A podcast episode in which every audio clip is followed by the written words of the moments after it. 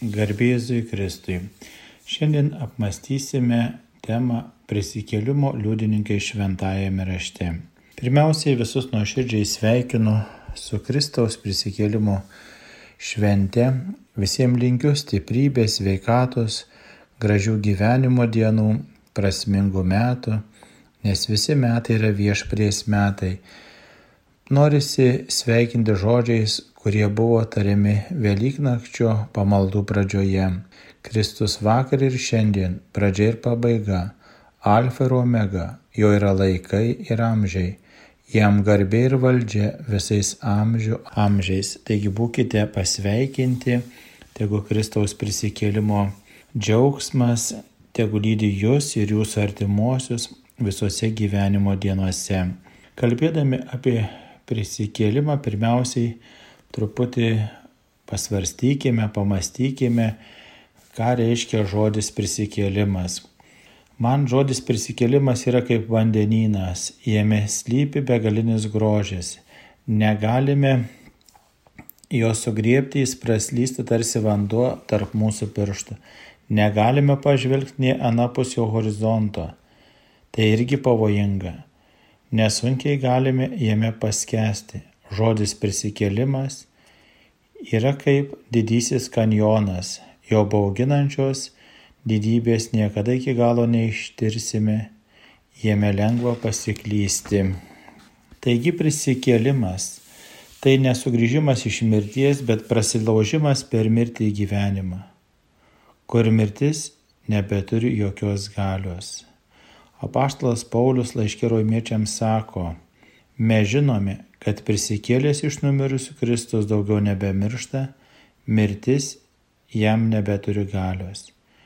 Štai pagrindinis skirtumas tarp Lozoriaus ir Kristaus. Lozorius sugrįžo į gyvenimą ir turėjo dar kartą mirti.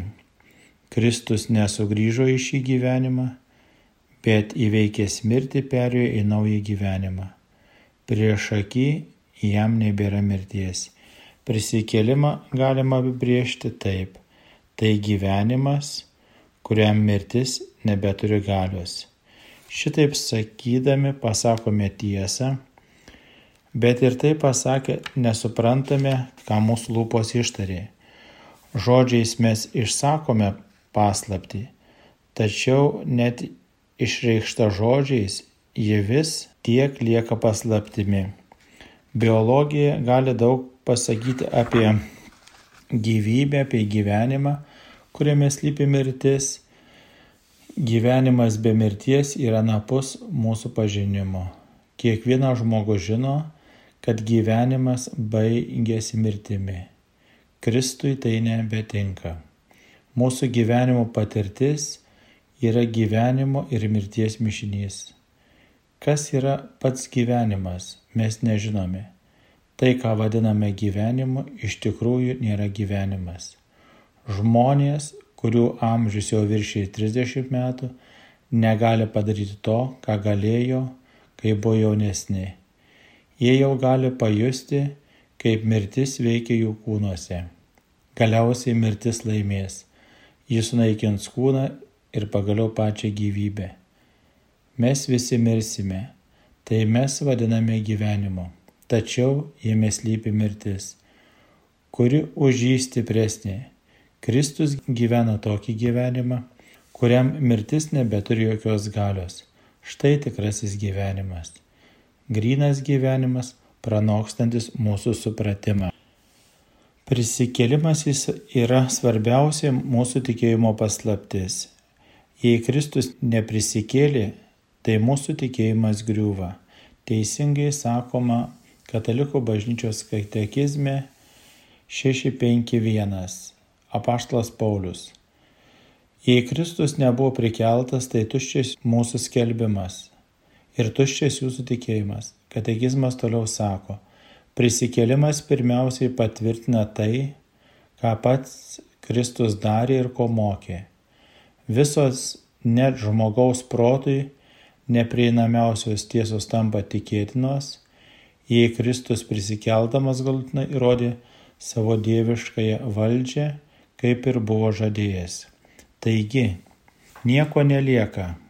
Evangeliją reikia skaityti prisikėlimo šviesoje, nes taip ji buvo parašyta. Kiekvienas Evangelijos epizodas yra pripildytas šios šviesos. Atmesdami prisikėlimą, Evangelijoje nieko nepaliekame. Kaip nuėmus kūnų į galvą, lieka tik lavonas. Atmetus prisikėlimą ir visa Evangelija tampa nenaudinga, nes prisikėlimas yra jos širdis. Jis suteikia gyvybę ir perspektyvą gerai naujienai, kurią mes tikime ir kurios mokome. Apaštų darbuose yra viena svarbi ta liudijanti vieta. Susibūrę apaštalai norėjo išrinkti žmogų vietoj judo, kuris nusižudė. Petras juos sukviečia ir paaiškina, ko jie čia susirinko. Taigi vienam iš vyrų, kurie draugė su mumis vaikščiojo visą laiką, kol viešpats Jėzus buvo tarp mūsų, pradedant Jono krikštu ir baigiant Jėzaus, iš mūsų paėmimu reikia kartu su mumis tapti jo prisikėlimo liudytojai. Apaštų darbai, pirmas skyrius, 21-22 eilutės. Taigi apaštalas yra prisikėlimo liudytojas jei neliudijame prisikėlimo, kad ir kiek triūstume bei tarnautume, mes nesame paštlai. Tačiau spinduliuodami iš prisikėlusio viešpaties kilantį džiaugsmą ir tikėjimą, esame tikri apaštlai. Kad ir ką veiktume, apaštalavimo esmė liūdyti prisikėlimą. Visa kita yra antrailiai dalykai. Kalbėdami apie prisikėlimo liudininkus šventajame rašte, pirmiausiai sutinkame šventąją Mariją Magdalietę. Taigi pirmasis šventajame rašte užfiksuotas asmo, kuriam pasirodė Jėzus, buvo Marija Magdalietė. Pažymėtina, kad ji buvo ta, iš kurios Jėzus išvarė daug demonų. Tradiciškai suprantama, kad ją buvo apsėdę demonai ir jai buvo reikalinga, kad Jėzus padėtų. Ir Jėzus išlaisvinęs Mariją Magdalietį iš šitų žabangų parodė, kokia garbė laukia kiekvieno nusidėjusio žmogaus, kuris pasitikė viešpačiu Jėzumi. Taigi Marija Magdalietė tapo labai uoli Jėzaus mokinė ir visiškai besąlygiškai atsidavusi ėjo paskui viešpati Jėzų. Taigi Marija Magdalietė patyrusi ypatingą begalinį Dievo gailestingumą galime suprasti iš šventojo rašto tekstų, kuriuos skaitėme ypatingai tarp Velykų ir Atvelykio tomis dienomis Ir turime suprasti, kad Marija Magdalietė nepasitraukė nuo viešpaties. Jai rūpėjo, kas atsitiko su jos mylimuoju mokytoju. Taigi, broliai seserys, mėly Marijos radio klausytojai, ir šiandien mes, kai apmastome Kristaus prisikėlimo liudytojus šventajame rašte, prašykime Dievo malonės, kad kai Dievas mus nuskaistina, ypatingai per atgailos sakramentą, kad liktume jam ištikimi taip kaip Marija Magdalietė, nes e, vis nusigrėžimas nuo viešpaties mus padaro jau nebe Kristaus liudytojais, bet suvargusiais, paskendusiais žemiškose reikaluose žmonėmis.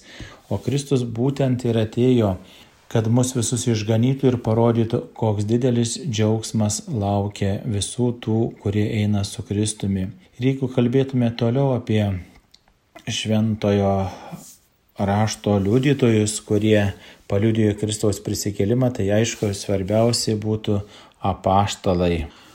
Taigi visa, kas tomis Velykų dienomis įvyko, įpareigojo kiekvieną apaštalą, ypač Petrą, kurti naują erą kuri išaušo Velykų rytmetį. Būdami prisikėlusiojo liudytojai, jie lieka kertiniai jo bažnyčios akmenys. Tai sako katekizmas 642. Taigi pirmosios tikinčiųjų bendruomenės tikėjimas rėmėsi konkrečių krikščionims pažįstamų ir daugiausiai su jais tebe gyvenusių žmonių liudijimu. Tie prisikelimo liudytojai pirmiausia yra Petras ir dvylika, bet ne tik jie. Paulius aiškiai kalba apie Jėzaus pasirodymą iš karto daugiau nei penkiems šimtams brolių, po to Jokūbui, paskui visiems apaštlams. Taigi tai apie tai kalba mums Katalikų bažnyčios katekizmas 642.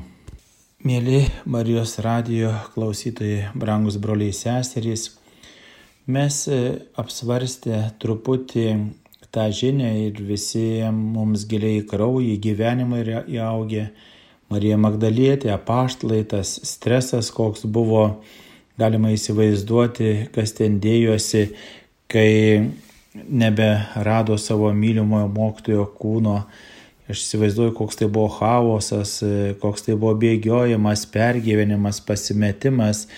Ir broliai seserys, mėly Marijos radijo klausytojai, mes turime eiti toliau, kaip ir Jėzus pasakė, eikite ir skelbkite visai kūrinyjei. Eikite ir skelbkite, ir žiūrėkite, broliai seserys, mėly Marijos radijo klausytojai, bėga šimtmečiai, prabėgo šimtmečiai, Kilo ir žlugo imperijos, žuvo civilizacijos, politiniai, kariniai, socialiniai perversmai, pakeitė net žemės išvaizdą. Tačiau virš šios audringos gyvenimo jūros tarsi uola tvirtai stovi Jėzaus Nazariečių įkurtoji bažnyčia. Tikėjimas, kurį iš pradžių išpažino vos kelios dešimtys žmonių, šiandien tapo kelrodžiu milijardams žemės gyventojų kalbančių skirtingomis kalbomis, išugdžiusių įvairiausių kultūrų formas. Broliai seserys, tas Evangelijos pamokslas, tarsi gaivus vėjas įsiveržęs į pasaulį, įkvėpė vilties nualintiems, nusivylusiems žmonėms, suteikė jiems energijos ir gyvasties. Krikščionybė suvienijo Atenų išmintį ir rytų viltis su Romos svajone apie visuotinę santarvę. Ji pasmerkė engėjus, iškėlė moterį, padėjo panaikinti vergovę. Broliai seserys, Marijos radio klausytojai, ypatinga meilės Evangelija padėjo širkščią jėgą paklusti dvasiniam ir doroviniam autoritetui. Ilgainiui krikščionybės raugas Europoje ir visame pasaulyje davė postumį dinamiškai raidai, kokios nebūta per visus ankstesnius žmogaus gyvenimo metus. Krikščionybė tapo patraukli, regis visiškai skirtingiems žmonėms - Romos vergams ir Dantei, Dostojevskiui ir Afrikos pimenims. Jis stiprino kolizėjaus kankinius ir teikė jėgų 20-ojo amžiaus tikintiesiems. Iš tikrųjų, broliai seserys, kiekviena epocha atskleisdavo Naujajame testamente slypinčius, neišsenkančius įkvėpimo šaltinius. Pirmieji Zaus mokiniai buvo paprasti galiliečiai, bet vėliau jo kryžiui lengėsi didžiausi visų tautų protai. Jo prieškimas praskaidrino Augustino ir Paskalio mintį. Iš meilės jam buvo statomos didingos šventovės įkvėpė poetus ir skulptorius. Jo poveikio dėka lėjosi galingos simfonijos bei choralo melodijos. Dievažmogį vaizdavo Andrėjus Rubliovas, Mikelandželas, Rembrandtas, baigiantis antrajam tūkstantmečių Evangelijos, skelbiančios Kristų, išverstos jau daugiau kaip virš tūkstantį kalbų. Paplito po visą pasaulį taip plačiai, kaip ir garsiausi žmogaus genijaus kūriniai. Kaip ir visada norisi pasidalinti keletų pavyzdžių, kaip Jėzus įkvėpė daugelį žmonių būti meilės liudytojai skubantiems į pagalbą artimui, nes Jėzus būtent ir mokė kad mylėtume vieni kitus, kaip apaštalų darbuose sakoma, kad turėtume vieną širdį. Norisi papasakoti šiandien iš knygutės Anapus materijos kunigo Grubliausko užrašytą tokį įdomų pavyzdį apie genijų tikėjimą. Jis sako, Kartą pavasario atostogų metu iš Lyono į Paryžių važiavo studentų būrys. Vagono kampe sėdėjo žilas vyriškis ir susikaupęs kalbėjo rožinį. Kai pabaigė maldą, studentai jį užkalbino. Kaip matome, jūs dar tikite maldą ir kitomis viduramžių nesąmonėmis. Taip, jaunuoliai tikiu, argi jūs netikite, paklausė senukas. Kaip mes Lyono universiteto studentai galėtume tikėti prietarais? Mes pažinome tiesą ir jei būtumėte pakankamai išmintingas, susipažintumei su naujausiais mokslo laimėjimais, juk mes gyvename pažangos mokslo Luiso Pastero amžiuje. Susipažinti su naujais mokslais? Bijau, kad nesuprasiu. Gal man galėtumėte padėti? Studentai atsakė, jei tik mokės skaityti, tai su džiaugsmu atsiūsime knygų. Taip skaitau gana gerai. Tai koks jūsų adresas? Senukas išsitraukė piniginę su dokumentais ir paliko savo vizitinę kortelę. Akademikas Luisas Pasteras, Paryžiaus mokslinio tyrimų institutas. Galima suprasti studento gėdą kai jie mėgino apšviesti didžiausią visos planetos mokslo žvaigždę Luisą Pasterą, gyvenusi 1822-1895. Jis chemikas ir biologas, už nuopelnus medicinai išrinktas Medicinos akademijos nariu. Jis sukūrė moderniosios bakteriologijos bei imunologijos pagrindus. Daugybė eksperimentų įrodė, kad iš negyvos medžiagos savaime neatsiranda gyvybė. Nustatė sterilizacijos bei pasterizacijos dėsnius, susiekė vynogių ir šilkverpių vabalėlių lygų paslaptis, to išgelbėdamas Prancūzijos vyno ir šilko gamybos pramonį, išrado skiepus nuo choleros, juodlygės, keulių raudonlygės, ypač jis nusipelnė žmonijai skiepų nuo pasiutlygės suradimu. Pastero įsteigtas ir jo vardu pavadintas institutas Paryžiuje ir šiandien tebetėsi tos ryties tyrimus. Pastero atradimai Prancūzijai davė apie 6 milijardus aukso frankų. Tokią sumą prancūzai turėjo sumokėti vokiečiams 1810 metais pralaimėję karą. Prancūzų vyriausybė padėkos rašte Pasterui rašė, kad jis vienas padengė reparacijų išlaidas ir kai mokslininkas šventė 70 metų amžiaus sukakti, buvo išleistas specialus medalis su įrašu Pasterui jo 70 metų amžiaus proga reiškia padėką Prancūzija ir visa žmonija. Iškilmėse dalyvavo įvairių kraštų mokslo atstovai. Savo kalboje anglų medikas Listera Taip įvertino Pastero darbas. Jūs atidengėte uždangą, kuris lėpė užkrečiamų lygų paslaptis. Jūs įrodėte, kad jos kyla iš mikrobo. Jūsų dėka chirurgija pergyvena tikrą revoliuciją. Pasteras buvo giliai tikinti žmogus. Jis yra sakęs, ateis laikas, kai pasaulis juoksis iš mūsų moderniojo materializmo. Kuo daugiau aš studijų gamtą, tuo labiau stebiuosi kūrėjo darbais. Kartą pasteras išgirdęs vieną profesorių taip kalbant. Jei savo galboje turiu mokslą ir tikėjimą, laikyk sandariuose skryniuose, nes jei jie susimaišytų tikėjimas, pradingtų. Pasteras į tai atsakęs, čia ne proto ir tikėjimo, o žmogaus proto dydžio klausimas. Jei turi mažą kibirėlį, ir jį grūsi daug mokslo, gali atsitikti, jog tikėjimas bus iškeltas, plūduriuoti ir pradings. Bet jei turi didelį proto indą, jame bus pakankamai vietos ir mokslui, ir tikėjimui. Kartą studentai paklausė, kaip jūs, tiek daug studijavęs, galite būti tikintis. Pasteras atsakęs, kadangi tiek daug studijavau ir mačiau, Tikiu kaip bretonas. Bretonai Prancūzijos pietvakarinės dalies gyventojai garsėja kaip labai religingi.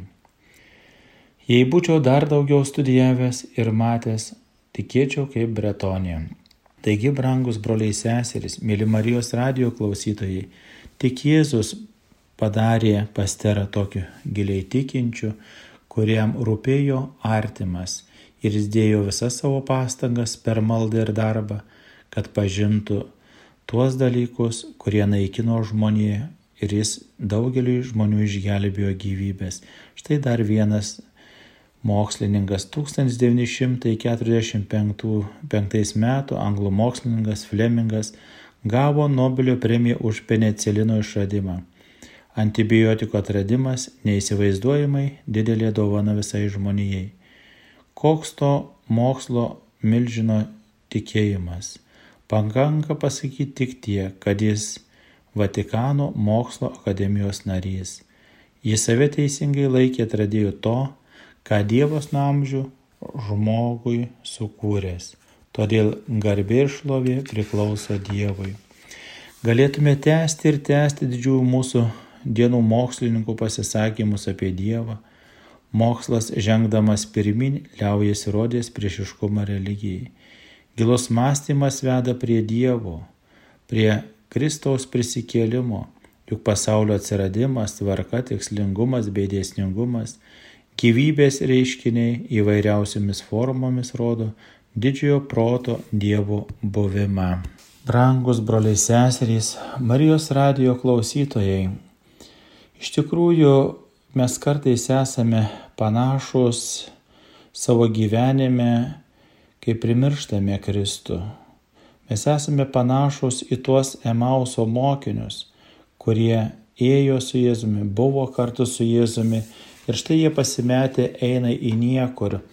Ir dalis žmonijos vaikų, mūsų brolių seserų, irgi pasimeta atsitikus vienai ar kitai sunkesniai situacijai, vienai ar kitai tamsesniai dienai, pasimeta ir galvoja, kad reikia eiti, eiti kažkur ir nežino, kur jie būna, man tai atrodo, panašus į Amauso mokinius.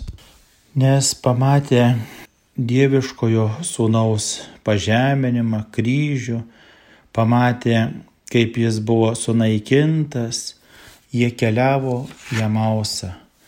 Ir tiek buvo pasimetę, galvoju, kad neišsipildė viltis, mokytojas sunaikintas dėjoja, dūsauja eidami ir jie nepastebi, kaip prie jų prisartina Jėzus, nepažįstamasis. Ir tada jie sako, turbūt vienintelis būsi tas, kuris nežino, kas šiomis dienomis atsitiko su Jėzumi.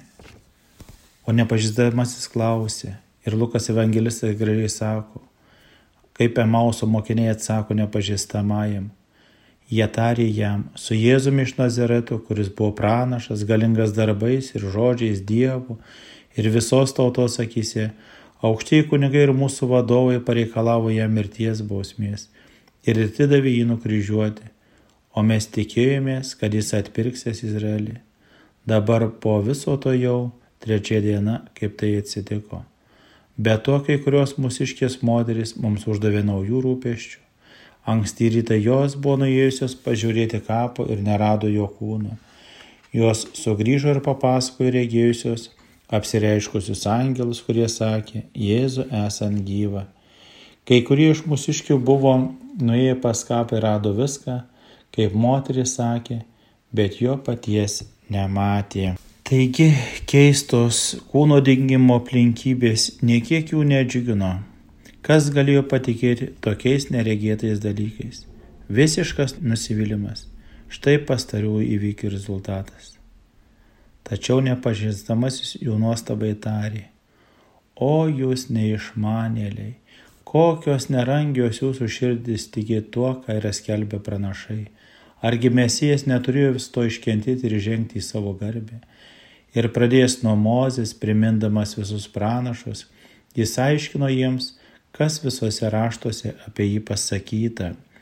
Taigi, brangus broliai seserys, Marijos radio klausytojai, Dievas Jėzus žodis po žodžio pradeda aiškinti Bibliją, kas rašyta apie Mesiją, ką jis kalbėjo, Jėzus kalba apie vienėlį, jo kraujo simbolį, apie akmenį, kurį atmetė statytojai, apie teisuolio gėlą, sielvartą ir jo išgelbėjimą, apie Dievo žadėtą Naująjį Testamentą, bet turbūt daugiausiai apie pranašystę iš Izaijo knygos, kur kalbama apie viešpaties tarną, kentėjusi dėl to, kad pagydytų pasaulio žaizdas ir taptų šviesa tautoms. Beklausant Kleopui ir jo draugui, tarsi migla nuo akių nukrito. Tragiški pastarių dienų įvykiai tapo prasmingi. Jeigu taip vadinasi Jėzaus mirtis, dar ne pabaiga. Taip mąstydami jie priejo Emausą. Pakelėvis regis buvo besirengęs su jais atsisveikinti, tačiau apaštlai nenorėjo paleisti žmogaus, kuris beveik atgaivino jų viltį. Pasilik su mumis, jau vakaras arti. Nepažįstamasis sutiko. Visi trys įėjo į namus ir sėdėjo prie stalo vakarieniauti. Sėdo prie stalo. Mokiniai neįčiom pripažino savo bendrą keliaivį vyresniuoju ir paprašė sukalbėti įprastą maldą. Jis ištarė padėko žodžius ir perlaužė duoną. Pažįstamas gestas, tiek kartų girdėtas balsas ir abu išsik suprato, kas sėdi su jais prie vieno stalo. Iš nuostabos juodu nespėjo ištarti ne žodžių, o jis jau pranyko jiems iš akių. Tai pastebėjo Lukas, užrašydamas 24 skyriuje. Broliai seserys, Marijos radio klausytojai, mes galime atsitokėję kartu su apaštalais sakyti, argi mūsų širdys kartais nebūna užsidegusios, kai jis kelyje mums kalbėjo ir atvėrė raštų prasme. Argi dabar galima pasilikti Emausė, greičiau atgal į Jeruzalę, pasidalyti neregėtų džiaugsmų su kitais. Nors jau buvo tamsu, draugai nuskubėjo į miestą. Dėje jos sutiko taip pat kaip ir moteris. Niekas nenorėjo jais tikėti. Tačiau tuo metu gauta nauja žinia. Viešpats pasirodė Petrui. Negi vyriausias apaštalas galėjo apsigauti. Kai kurie beveik patikėjo, kiti dar abejojo, iki gilios nakties ginčytasi svarstyta. Staiga visi išgirdo pažįstamą sveikinimą - ramybė jums. Mes su apaštalų darbuose skaitome ketvirtajame skyriuje 20 eilutėje. Negalime tylėti apie tai, ką esame matę ir girdėję. Taigi, brangus broliai seserys, mėly Marijos radio klausytojai, ir mes 2021 metų tikintieji išgyvenę didelį Velykų džiaugsmą, nors ir pandemija, ir kiti dalykai yra pasaulyje, neramumai ir karų pavojai, perversmų pavojai Pasaulis neramus yra, kaip ir Jėzus sakė, kad daug visko dar bus tame pasaulyje. Bet ką mes, broliai seserys, Marijos radijo klausytojai, galime daryti ir šiomis dienomis? Turėtume su šventuoju Prancišku Masižiečiu sakyti, viešpatie, padaryk mane savosios ramybės pasiuntiniu ir leis man išti meilę, kur siaučia neapykanta, santaika, kur vyrauja barniai vienybė, kur yra skilimas, tikėjimą, kur kankina bejonės, tiesą, kur viešpatauja klaida, viltį, kur braunas nusiminimas, džiaugsmą, kur slegia liudesys. Taigi mes, broliai seserys, visi tikintieji turime stengtis diena iš dienos darbuotis Kristaus vynoginė, juk esame prisikėlusiojo liudytojo, prisikėlusiojo Kristaus liudytojai. Nes jeigu Kristus neprisikėlė, galime vis kartoti, kaip apaštlos Paulius, tai tuščias mūsų darbas, tuščias mūsų skelbimas. Bet mes dabar matome ir paminėję gailestingumo iškilmę atvelykį, suprantame, kokia didelė jėga plaukia ir iš Vilniaus gailestingumo šventovės, kam teko keliauti per pasaulį, daug kur bažnyčiose jau ir paveikslai iškabinti, ypatingai Meksikoje, kam teko buvoti, gausu šitų paveikslų ir pamaldumas į Dievo gailestingumo begalinis. Taigi įvairiausiais būdais Dievas prakalbina mūsų širdis ir nori, kad mes kantriai po truputį darbuotumės Kristaus vynogydę, sėdami tą gerąją Dievo žodžio sėklą. Ir pabaigai dar vienas pavyzdėlis. Kartą vienas pranašas atvyko į miesto aikštę su pintinė, pilna nedidelių maišelių ir paskelbė, turiu ypatingų sėklų. Ypatingų, kojos ypatingos klausinėjo žmonės. Šių sėklų negalima sėti saujomis, paaiškino pranašas. Kasdieną reikia pasėti tik vieną sėklą. Kiekvieną rytą reikia palaistyti pasėtą sėklą, o kiekvieną vakarą sėti naują. Kai tai padarysi, nulenk galvą ir dėkok Dievui už jo meilingą pagalbą. Puiku atsiliepė vienas žmogus. Tačiau ar galime būti tikri, kad jos sudygs? Nesijaudink, Dievas to pasirūpins, užtikrino pranašas. O koks augalas išauks iš sėklų, vėl teirausi jie. Tik Dievas tai žino, atsakė pranašas. Tie, kurie taip jas sėjo, įsitikino, kad šios sėklos turi galę perkeisti širdis. Dauguma žmonių tik nusijokė iš tokio pasiūlymo, apsisuko ir nuėjo savo. Tik keletas jų parsinešė į namus sėklų, ko nors tikėdamiesi. Tačiau atrišę maišelius žmonės nusivylė, pamatę pačias paprasčiausias sieklas. Tikriausiai iš mūsų pasityčioje, pasipiktino jie ir numetė maišelius. Tik tai praskachas ir jo žmona Rohinė nusprendė pasielgti kaip mokė pranašas. Kita rytą jie atsikėlė labai anksti, sukosi į savo daržą ir padalijo jį į dvi dalis kiekvienam po pusę.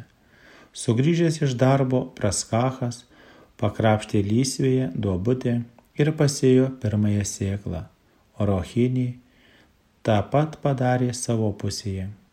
Abu kurį laiką tyliai pastovėjo dėkodami Dievui už meilingą pagalbą. Kita rytą jie palaistė lysvę, o vakarė vėl pasėjo po sėklą ir trumpai pasimeldė.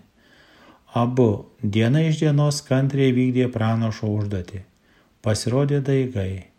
Vėliau išaugo medeliai, kurie sužydėjo ir užmėsgė vaisius. Pačius įvairiausius ir gardžiausius. Tikra šventė akims ir gomoriui. Žinia apie šį sodą greitai pasklido ir žmonės iš toli atvykdavo pažiūrėti rojaus sodo, kaip jį vadino. Sugryžę į namus, Jie nepaliaudami pasakodavo savo kaimynams apie nuostabius vaisius, kurių ragavo, apie nepakartojamą gėlių aromatą, apie šios sodo šeimininkus spindinčiais veidais ir šviečiančiomis akimis praskaha ir rohinį. Broliai seserys, Marijos radio klausytojai. Ir mes kaip tie praskachas ir rohinį pranašo pamokyti, prisikėlusio Jėzaus pamokyti, esame irgi raginami kasdien atlikti pačius mažiausius darbelius. Juk nieko nereiškia, broliai seserys, nei laistytojas, nei sėjėjas, o reiškia tik tai augintojas, o augintojas yra viešpats Jėzus, dangiškas tėvas šventojoje dvasioje. Mėly Marijos radijo klausytojai, prašykime Dievo malonės kad mes būtume uolų sėjėjai, o tą sėklą augins tik Dievas, o mes ir toliau semkimės jėgos iš šventojo rašto, iš tradicijos, iš šventų knygų. Prašykime šventosios dvasios, kad neužkietintų mūsų širdies, jeigu nepavyks vienas ar kitas dalykas. Ne visos dienos vienodos, Ne visi metai vienodi, ne visi pavasariai vienodi. Prašykime Dievo malonės, kad nebūtume panašus į Tomą, kuris sakė, jeigu aš nepamatysiu jo rankose vinių dūrio ir neįdėsiu piršto į vinių vietą, ir jeigu ranką nepaliesiu jo šono, netikėsiu. Bet brangus broliai seserys, Marijos radio klausytojai, kiekvienas mes galime drąsiai sakyti, kad Jėzus yra atėjęs pas kiekvieną iš mūsų ir mus kalbinės. Jeigu mes pažiūrėtume įvairiausiose gyvenimo dienose ir situacijose Dievas yra mus kalbinės. Ir Dievas mums yra pasakęs, ištaręs mūsų vardą ir sakęs, pridėk čia pirštą ir apžiūrėk mano rankas, pakelk ranką ir paliesk mano šoną, jau nebebūk netinkintis, būk tikintis. Taigi, mėly Marijos radio klausytojai, ir savo, ir jums linkiu gaivaus tikėjimo, gyvo tikėjimo. Ypatingai viską paveskime švenčiausiai Dievo motinai Marijai, prašydami jos nulatinės globos ir užtarimo. Garbėjėzui Kristui. Kunigas Tasys Šlepavičius, Klaipėda, Kristaus karaliaus parapija, vikaras.